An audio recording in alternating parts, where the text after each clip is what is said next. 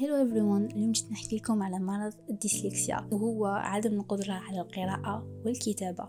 هذا المرض نفي يقولوا عند دراري صغار كي يكون عندهم نسبة ذكاء طبيعي ويلحقوا l'âge وين normalement يقراو ويكتبوا بشكل normal بصح هما ما يقدروش. وهذا راجع لأنه كي يقراو كلمة ما يشوفوهاش في مخهم كيما إحنا نشوفوها. هما يشوفوا les lettres متقلبين متباعدين ال b يشوفوها d d يشوفوها b من ذاك الكلمة في بداية الكلمة يشوفوها مع التالي ولا مع الوسط. مخهم مش كيما مخنا سما تتلف لهم وما يقدروش يقراو. بصح مع الوقت وكي يدخلوا في مدارس متخصصة.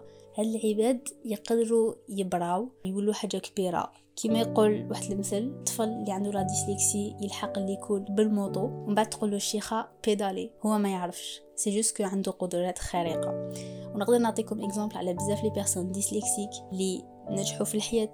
كيما ألبرت أينشتاين توما إديسون ليوناردو دافينشي موزار وكاين أكثر جيسبر بلادنا تتهلا في لي ديسليكسيك باسكو سي با الكا بور لو مومون Thank you for listening. Take care.